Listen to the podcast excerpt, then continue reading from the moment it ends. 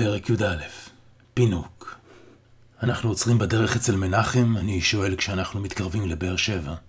אתה רוצה לבקר אותו? שואל אבא שלי. כן, אמרו לי בבית החולים שהוא הגיע לבקר אותי ואני רוצה לבקר אותו בחזרה. הוא התחיל ללכת לבית הכנסת בשבת, הדוד שלך. אז אני אתקשר כדי לוודא שאנחנו לא מפריעים, כי לי אין מושג מתי נכנסת השבת. אבא משיב ומחייג בטלפון הסלולרי בדיבורית של הרכב. אני שומע את צליל החיוג ומחכה לשמוע את קולו של מנחם. אח שלי, שבת שלום לך. אני שומע מהדיבורית. הדוד מנחם נשמע אותו דבר בדיוק. השמחה ניכרת בקולו. כל כך התגעגעתי לשמוע את הקול הזה. מנחם, אה, שומע אותי? אבא שלי קורא אליו בקול רם. שומע מצוין, נשמע מתוך הרמקול. הוצאנו את אמציה מבית החולים, ולפני שאבא שלי מסיים את המשפט, למה? מה קרה לו? יש בעיות עם בית החולים? אתם מחפשים מקום יותר קרוב. הוא דווקא היה בסדר, הבית חולים הזה, לא? מנחם מתפרץ. תירגע, הכל בסדר. אמציה התעורר, אבא שלי עונה ומחכה לתגובה. לא ייאמן, ברוך השם, ואתה עדיין לא מאמין באלוהים. איפה אתה? בבית? מנחם שואל. אנחנו פה, בבאר שבע, בדרך הביתה. אבא מסתכל על השעון, זה מאוחר מדי לבוא, שוב מנחם קוטע את השיחה. אז אתם באים.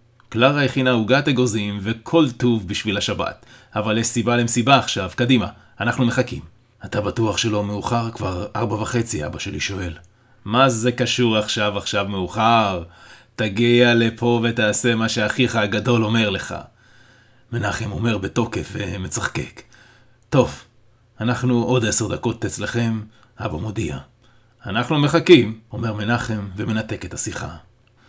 שוב אני מתמלא געגועים לדוד מנחם. נהגתי לבקר אותם המון כשעבדתי אצלו בבית המלאכה בצעירותי. הילדים שלו כבר בטח גדולים. הם היו גדולים כבר אז, אז כך שבטח הם גדולים כבר עכשיו. אנחנו נוסעים ברחובות באר שבע, וסביבנו עשרות אנשים הולכים ברחובות, ואני רואה דרכם את העדרים והמחוזות בהם הם נמצאים. אני גם רואה איך אני אמא ואבא נמצאים דרך ההשתקפות מתוכם. הם נמצאים במחוזות שונים. המחוזות שלהם לא ממש רחוקים מהמחוז שלי. אבל נראה לי שאני אשתדל להישאר במחוז שלי בזמן הקרוב.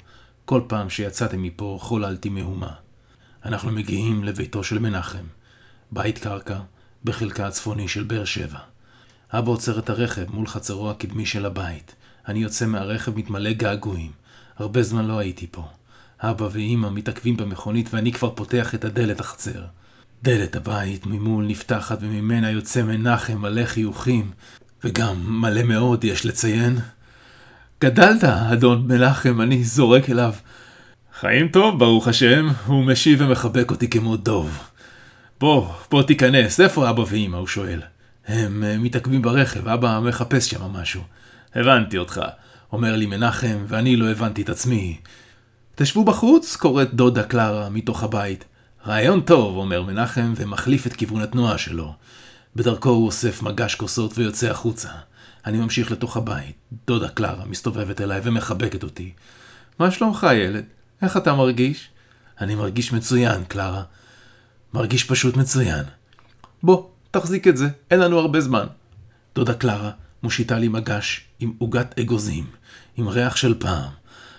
הריח של זה הורג אותי. בא לי לדחוף את הפרצוף שלי לתוך העוגה הזו, ולחסל את הכל עד הפירור האחרון. דודה קלרה מביאה קומקום עם סחלב, חם, וצנצנת אגוזי לוז. איזה פינוק. איפה הייתי כל הזמן הזה? אנחנו ניגשים לחצר. דוד מנחם יושב שם, לבד, ליד השולחן שבמרכז רחבת הדשא המצהיב. או, oh, הנה ההורים שלי נכנסים לחצר. אבא מחזיק בקבוק יין בידיו. עכשיו הבנתי את מה שהדוד מנחם מבין. יין לשבת שלום, אבא מכריז. אבא מניח את בקבוק היין על השולחן, ומחבק את דוד מנחם. אמא מחליפה נשיקות עם מנחם משני צידי הפנים, וגם עם הדודה קלרה. כולם מתיישבים מסביב לשולחן, וקלרה כבר מתחילה למזוג את הסחלב לכוסות. ריח הסחלב. אני חייב כבר לבלוע את זה. הדודה קלרה שוברת אגוזי מלך כלופים לתוך הכוסות, ואני לא ממתין אפילו רגע אחד ולוקח כוס אחת אליי. תיזהר, זה חם, ילד. קלרה מחייכת אליי. אני לא יכול לחכות, אני אומר לה. אני שנה וחצי לא נהניתי מכזה פינוק. אל תבזבז הכל בבת אחת, אומרת לי קלרה. אם תעריך את הרגעים היפים. האושר בחייך יהיה רב יותר. היי, דודה קלרה, עם פנינות של דרך חיים, אבל אני לא מתאפק, ולוקח לגימה מהסחלב הרותח. אה, אני נושף אוויר כדי לקרר את לשוני הנזעקת. טוב, אה? אומר מנחם מגלגל את צחוקו ונושף אל הכוס שלו בעדינות. רוח מנענעת את עצי החצר בגינה של מנחם, ואימא מחזירה מעליה את המעיל שהסירה.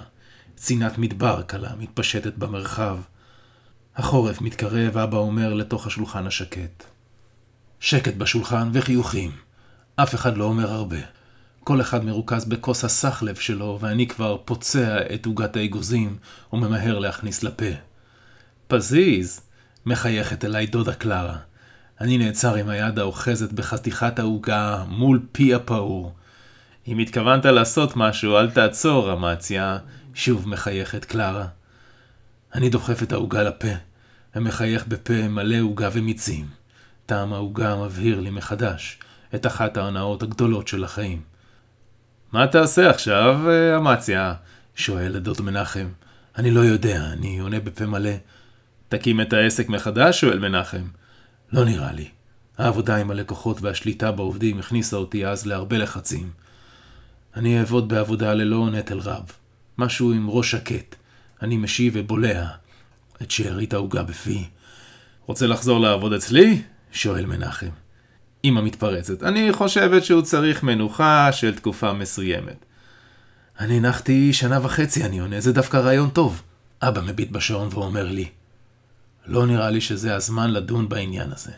תחזור הביתה, תתאקלם קצת, ואחרי זה, אף אחד לא מלחיץ אותך. טוב, נו, תחליטו מה שאתם רוצים. מנחם לוגם מכוס הסחלב שלו, ואז פונה אליי. אתה מוזמן לעבוד אצלי מתי שתרצה, אפילו מיום ראשון הקרוב. אני מחייך ומסתכל על אמא ואבא המודאגים. נראה איך אני ארגיש בבית, בשבת, ואז אני אראה אם אני מוכן לצאת לעבודה, אני אומר, כדי להוציא אותי לא מחויב לאף אחד. אבא מחייך ולוגם, ושוב מביט בשעון. עכשיו גם מנחם מביט בשעון.